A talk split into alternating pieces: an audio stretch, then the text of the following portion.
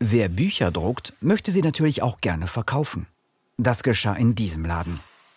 Die Bücher, die man hier kaufte, waren noch nicht gebunden. Dazu musste man sie zuerst zu einem Buchbinder bringen. Plantin bearbeitet hier auch Bestellungen und Lieferungen.